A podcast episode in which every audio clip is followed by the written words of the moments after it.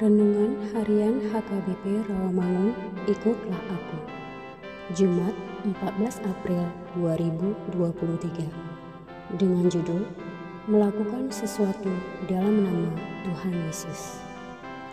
Bacaan kita pada pagi hari ini tertulis dalam 1 Korintus pasal 15 ayat 29 hingga 34. Bacaan kita pada malam hari nanti tertulis dalam Injil Lukas pasal 18 ayat 9 hingga 14. Dan kebenaran firman Tuhan yang menjadi ayat renungan kita hari ini tertulis dalam Kolose pasal 3 ayat 17 yang berbunyi dan segala sesuatu yang kamu lakukan dengan perkataan atau perbuatan lakukanlah semuanya itu dalam nama Tuhan Yesus sambil mengucap syukur oleh dia kepada Allah Bapa kita.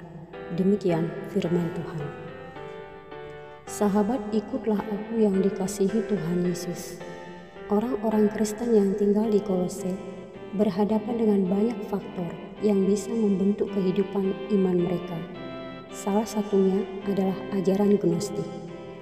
Paham ini membentuk perkataan dan perilaku atau moralitas masyarakat dengan pemahaman bahwa dunia materi ini jahat dan kotor. Karena dunia materi ini jahat, tubuh manusia juga kotor dan jahat.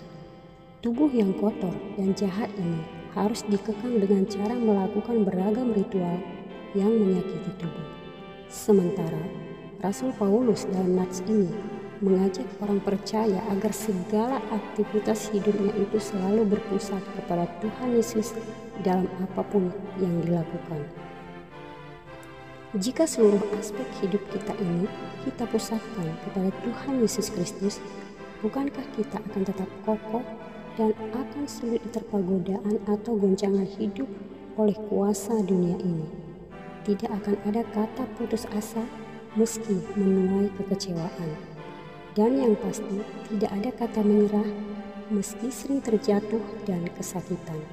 Sebab semuanya bermuara kepada Tuhan Yesus sebagai penyelamat.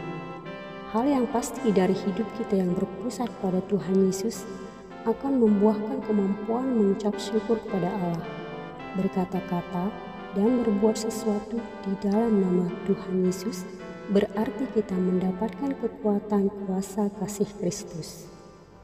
Artinya bahwa kita melakukan sesuatu dengan penuh hormat dan tanggung jawab pada Kristus sehingga setiap orang yang mendengar ucapan kita dan melihat perbuatan kita menjadi turut mengagungkan Kristus dan kuasanya.